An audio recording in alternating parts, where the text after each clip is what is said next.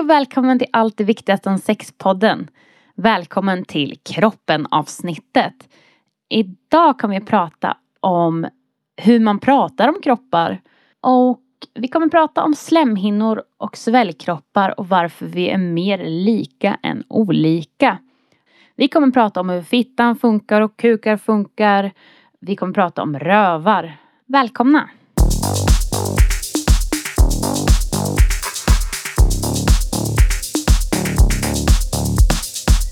Hej Malin. Hej Beer. Du, jag har tänkt på det här med att benämna sin kropp. För när vi skrev allt det viktigaste om sex så pratade vi ganska mycket om så här, hur ska vi prata om könsorgan? Och det vi landade i är att vi använder begreppen fitta och kuk. Och om vi inte säger någonting annat så menar vi fitta som man har sedan man föddes eller kuk man har sedan man föddes. Och sen kan könsorgan vara erhållna också. Då pratar vi om, så här, då, då nämner vi att nu pratar vi om erhållna fittor eller erhållna kukar. Och det här har ju vi skrivit tydligt i början av allt det viktigaste om sex. Men varför är, varför är det här en så viktig grej att ta upp ens? För att kroppen kan ju vara en känslig grej för alla människor. Och för att man ska känna sig bekväm och känna sig som den man är när man ligger. Eller har sex eller något åt det hållet.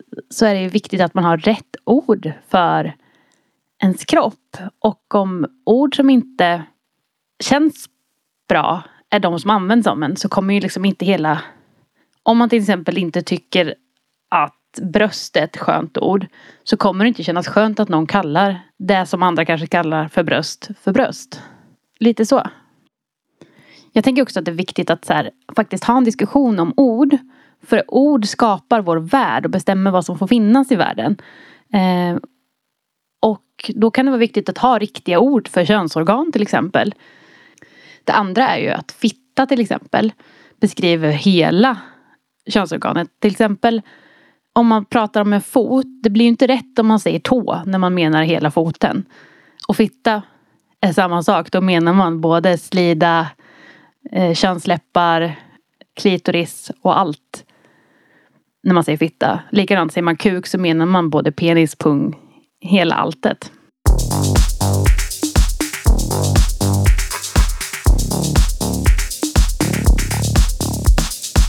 Men det finns också andra sammanhang som det kan vara viktigt att ha bra ord för kroppen. Mm.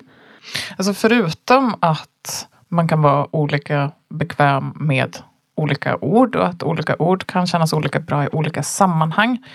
Så om man till exempel har könsdysfori eller har haft könsdysfori, alltså att man mår dåligt eller upplever hinder för att ens kropp inte stämmer överens med ens könsidentitet, så kan det vara en stärkande för en att benämna kroppsdelar på det sätt man känner stämmer överens med ens könsidentitet. Har du några tips på hur man kan göra det? Ja, men till exempel så om man tänker på vad en läkare skulle kalla för klitoris exempelvis kanske är ens kuk. Det som en läkare skulle kalla för penis kanske är en strap-on, bara att den sitter fast ovanligt väl på kroppen. Att eh, benämna bröstkorg kan ju också vara en sån sak som man vill tänka på hur man gör. Alltså att man kanske säger bröstkorg istället för att prata om bröst. Eller att man säger bröst om bröstkorg? Ja, men exakt. Även om, om kroppsdelen inte ser ut som vad personer överlag förstår med det begrepp man vill använda så har man ju rätt att benämna sin egen kropp på det sätt som stämmer överens med vem man är och som känns bra för en eller som känns minst dysforitriggande. Yes, men nu har vi pratat jättemycket om hur man kan prata om kroppen. Ska vi prata lite om själva kroppen? Ja, men det känns väl som, som ett rimligt nästa steg. Mm, och jag tänker också att att prata om kroppen när man pratar om sex är ju uppenbart att man kanske måste prata om kroppen. Men det finns lite olika skäl till att man måste prata om kroppen. Vi kommer in på det lite mer alldeles strax. Jag tänkte vi ska börja prata om ett organ man ofta glömmer när man pratar om sex. Eh, som är ett av de viktigaste sexorganen som finns. Eh, vilket är det? Alltså du menar ju hjärnan. Och det är jättekonstigt för det första att man glömmer den. För att det är som att man behandlar hjärnan som att den inte är en del av kroppen. Och det är ju, det stämmer ju inte.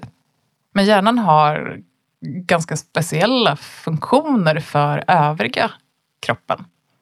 Ja, det är den som styr och ställer. Det är Den som både tolkar signaler som kommer från kroppen men det är också den som skickar ut signaler till kroppen.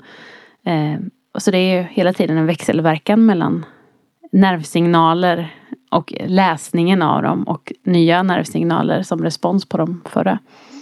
Och att hjärnan skickar signaler till kroppen, det kan ju vara mer eller mindre medvetet, tänker jag. Eller? Ja, och jag tänker att hjärnan koordinerar ju lite grann vad, upp, vad kroppen upplever. Att här, känner man en doft så tolkar hjärnan det. Ser hjärnan någonting så kommer hjärnan tolka det. Och det behöver inte alltid mynna ut i något sexuellt såklart. Det finns ju massa tillfällen det inte blir något sexuellt av det. Men hela tiden så sker det här samspelet. Kroppen samlar in intryck, hjärnan läser dem. Och det är också i hjärnan som de bra-känslan bor. Och där man känner, där vi pratade om i förra avsnittet om ömsesidighet. Det är där den känns. Även om vi också pratar om att den känns i magen. Ja, eller hela kroppen. Ja. Mm.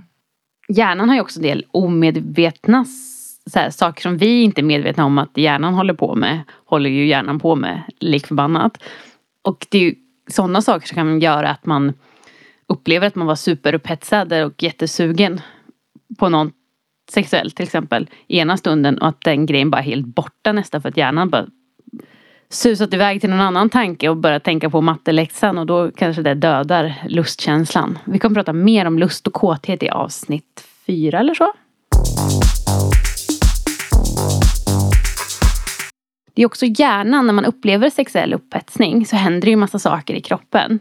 Till exempel att man blir varm och att ens andning förändras. Att man kanske upplever att hjärtat slår fortare. Att man blir liksom pirrig och varm runt könet till exempel. Att där, huden blir känsligare. Ja. Allt möjligt. Pupillerna blir större. Det händer jättemycket spännande. Liksom, lite, ja, men på en gång plötsligt så händer det jättemycket.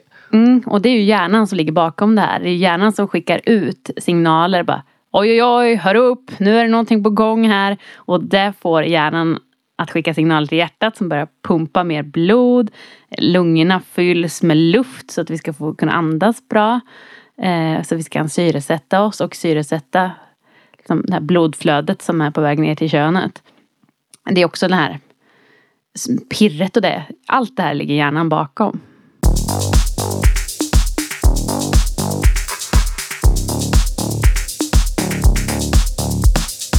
Men om vi ska gå in på några kroppsdelar som kan vara inblandade i sex eller ofta är inblandade i, i sex då.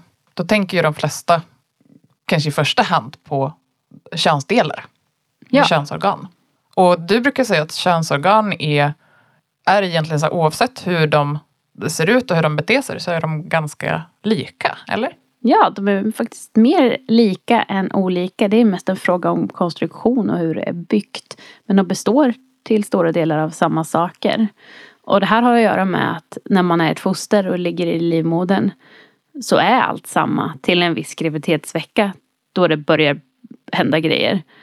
Och det kan bli hur olika som helst från det stadiet. Men basdelarna är samma.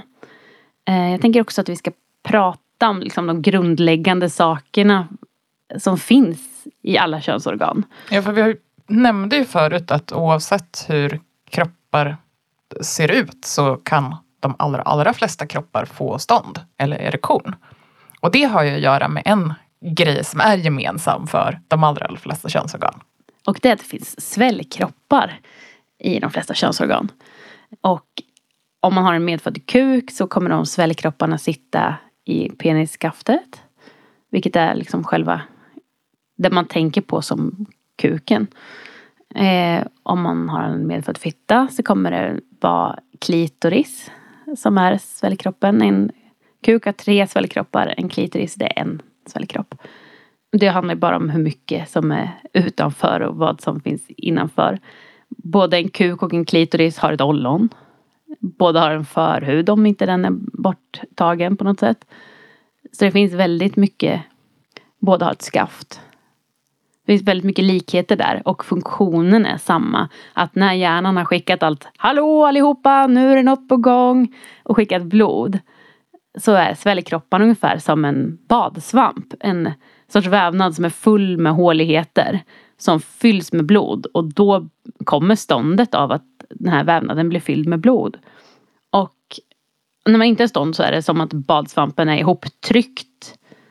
Eh, och när man har stånd så är det som att man har fyllt upp den med vatten och den har expanderat. Ja, den blir större och den blir hårdare också. Ja. Och liksom en, alltså kanske den så väsentliga skillnaden mellan medfödd fitta med en medfödd klitoris och medfödd kuk är ju just som du säger, så här, hur mycket är på utsidan av kroppen och hur mycket är på insidan. Har man en medfödd kuk så är det lite mer som är på utsidan, lite mindre som är på insidan. Har man en medfödd fitta så, alltså klitoris är, nu börjar det bli mer känt, men klitoris är mycket, mycket större än det som man kan se på utsidan i många fall. Ofta ser man en liten del av klitoris på utsidan som man ser klitoris ollon, Som ofta då har en, i de flesta fall, har en liten förhud. Men på insidan så är ju klitoris med hela strukturen är kanske så runt 10 centimeter stor. Och hela den strukturen kan ju liksom svälla upp när man får stånd. Även om det är, man kan se som ett litet klitorisstånd. Liksom. Ja, och en annan sak som också är gemensamt är ju att båda de här sortens ollonen och andra sorters ollon också innehåller jättemycket nerver. Därför är det så känsligt för beröring och oftast beroende på vad man gillar för någonting eh, så är det en kroppsdel som inte direkt hatar beröring. Nej, men det kan ju vara väldigt olika vilken typ av beröring som man uppskattar. Jag tror att de flesta tänker att medfödda kukar vill ha lite hårdare beröring än medfödda klitorisar exempelvis. Men stämmer det? Det skulle jag absolut inte säga. För att det är väldigt personberoende och så här, vad man har kommit fram till. Man skaffar sig någon gång en smakpreferens. Att det här har jag upptäckt är skönt eller det här upptäcker vi tillsammans är skönt. Så den ramen är ju olika för olika personer vad som finns. En del kanske tycker att det är skönare att eh, rubba lite grann med en handduk oavsett om man har kuk eller fitta eller vad man har. Um, och andra kanske tycker att det ska vara två liter glidmedel för att det ska vara skönt. Och andra tycker att tryck är skönt. Det är väldigt olika och det måste man ju kommunicera kring att så här, lite hårdare, lite lösare. Prata med små ord kring det. Okej, men en annan sak som är lika för de allra flesta könsorgan är ju att det finns slemhinna på flera ställen. Ja. Eh, slemhinnor det är ju det är lite svårt att förklara vad en slemhinna är men det är en vävnad som ofta är lite blöt. Eh, som är väldigt rik på blodkärl. Det är inte hud men nästan hud. Det är ju inte heller inte hud för det är som ett skyddande hölje. Men det är svårt att sätta en exakt definition på vad det är. Men tunnare blöt hud. Och det här hittar man till exempel i munnen, i analen, i ögonen, i urinrör. Om man har en medfödd fitta så hittar man det liksom i slidan eller under de inre könsläpparna. Och har man en erhållen slida så beror det lite grann på. Alltså dels, det finns operationstekniker där man använder slemhinna som redan finns i kroppen. Så finns det andra operationstekniker där man använder hud. Och eh, i vissa fall om man använder hud så kan den omvandlas till slemhinna eller till en slemhinneliknande vävnad i alla fall.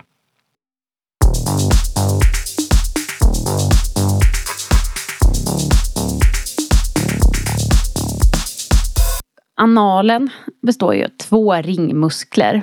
Och man kan tänka sig att det ser ut som typ två donuts. Två munkar sitter på varandra. Den ena, den yttre, är viljestyrd och den andra är reflexstyrd. Och den här muskelfunktionen är någonting man måste vara lite rädd om. Och inte så stressa kroppen om man vill till exempel om man vill ha analsex och stoppa in ett finger eller någonting så gäller det att man väntar ut kroppen och lyssnar på kroppens signaler. Man ska aldrig fortsätta om det gör ont. Och Den inre som sagt reagerar på tryck och man kan få den att slappna av genom ett enkelt litet knep. Vill du berätta om 15 sekunders regeln? Ja, 15 sekunders regeln är att eh, först så liksom, ser man till att man kommer in innanför den yttre ringmuskeln, alltså den, den viljestyrda, den som man kan knipa ihop med om man vill. Eh, sen kommer man då in till den inre ringmuskeln och så kan man hålla fingret eller vad det nu är man vill få in mot den här i ungefär 15 sekunder. Då brukar den här muskeln slappna av och göra att man kan föra in det man vill föra in. Mm. Och ska man föra in någonting, eh, ha någonting som har en ordentlig bas så att det inte kan försvinna in i kroppen. Så fingrar är ganska safe på det sättet för det sitter oftast ihop en kropp. Och som sagt, den här slemhinnan är lite känslig så man ska vara rädd om den och alltid använda jättemycket glid om man vill göra saker med analen. Men också den är full med nervändar och eh, så här ställen som är sköna att ta på. Så att eh, det är ju dumt att missa ett sånt känsligt ställe. Man får prova sig fram. Alltså ett ställe som, nu har du pratat mycket om att man har en massa nerver i, an, i analområdet som kan göra att analsex är skönt. Men det som man kanske så här, mest tänker på är att personer som är födda med kuk brukar ha någonting som kallas för prostata. Som är en liten körtel som man kan komma åt en liten bit in i analen på liksom buksidan. Alltså om man vinklar fingrarna mot magen så kan man komma åt den här körteln. Och att många tänker att ja, men det är det som gör att analsex kan vara så skönt. Den typen av stimulans. Men det är ju mycket just det här med att det är en massa nerver.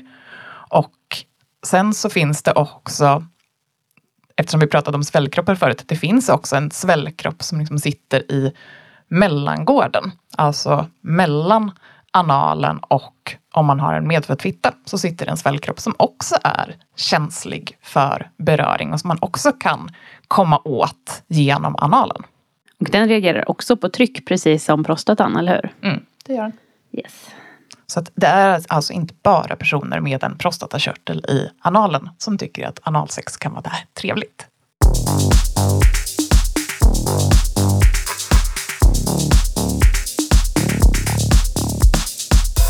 Ska vi prata lite grann om kuk och fitta nu? Ja, men det ska vi ju såklart göra. Du nämnde ju att det finns slemhinna i medfödda fittor. Yes. Och det kan också finnas i erhållna fittor. Och du nämnde ju förut att men slemhinnor är, är lite fuktiga.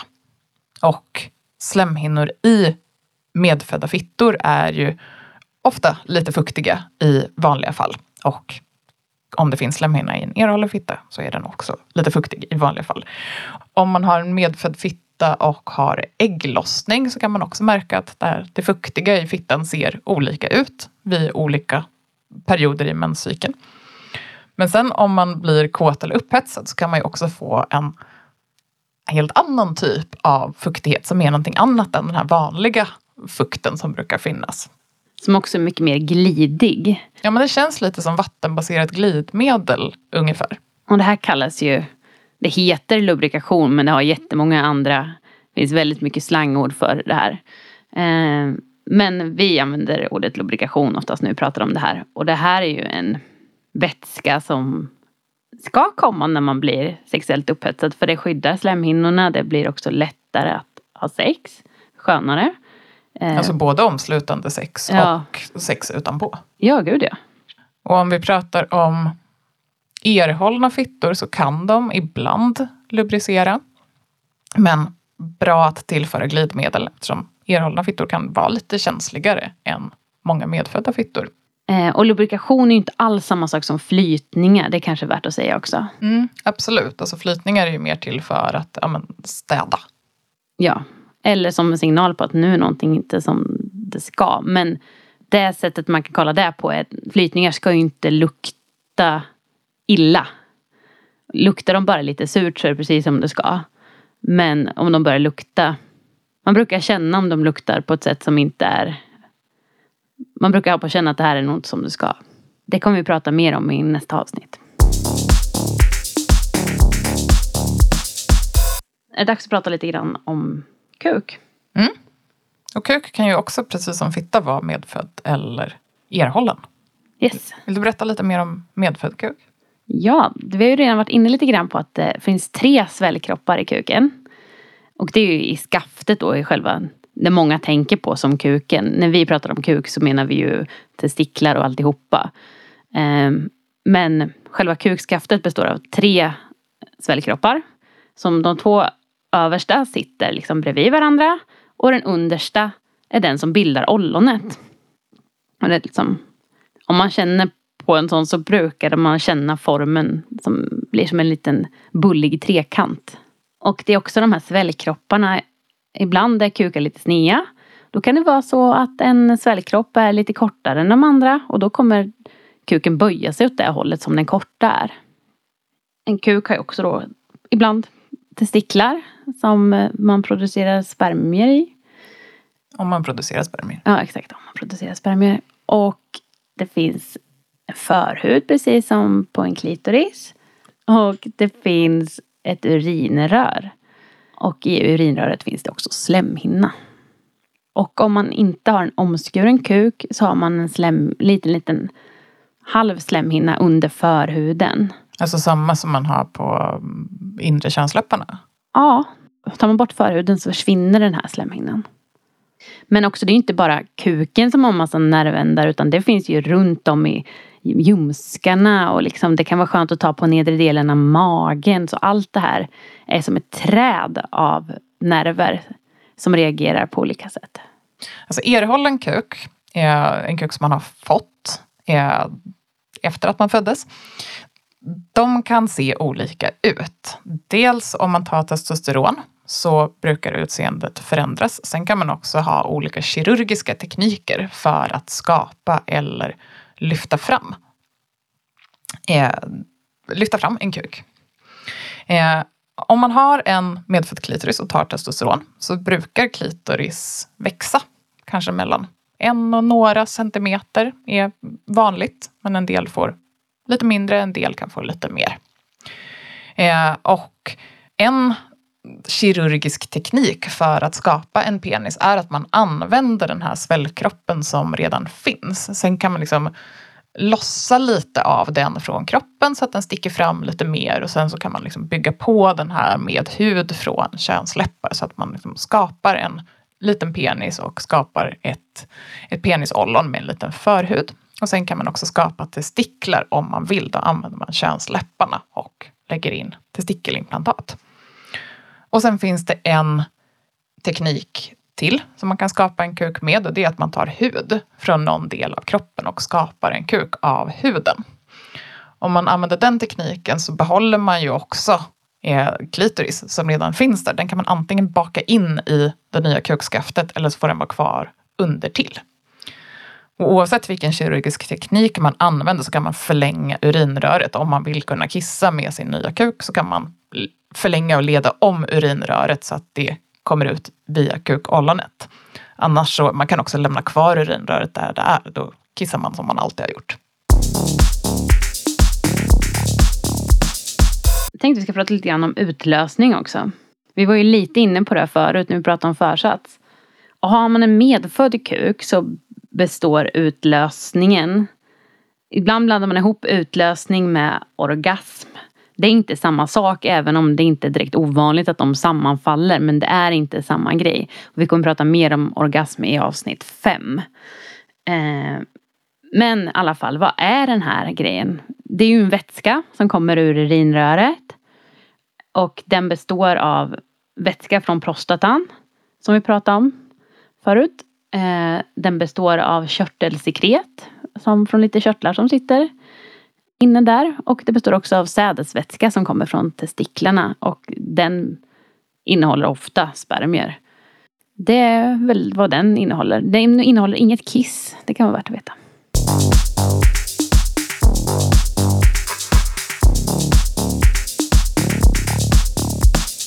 Ja men jag tycker ändå att det är intressant. Det är ju ganska sällan man pratar om utlösning från medfödd fitta. Och det här är ju ändå en förmåga som ganska många har. Det är ju väldigt olika om det märks eller inte. Men när man jobbar upp det här sexuella trycket, alltså muskelspänning i bäckenbotten. så kan det komma ut vätska ur urinröret på folk med medfödd fitta. Eh, och det är inte kiss utan det är en lite mjölkaktig genomskinlig vätska. Som består av prostatavätska och också körtelsekret, eller hur? Mm. Mm. Men, och det som kanske om man känner till någonting så kanske man känner till att man kan få alltså, fontänorgasm eller sprutorgasm. Man kan vara en squirter. Eh, och det är ju ett sätt som medfödda fittor kan få utlösning på. Men i de flesta fall skulle jag säga så är det ju snarare så att utlösningen kommer sipprande än att den kommer som en dusch. Ja. Och det är ju inte säkert att man märker det här under hela sin livstid. Och andra märker det jättetydligt. Det är olika som vanligt.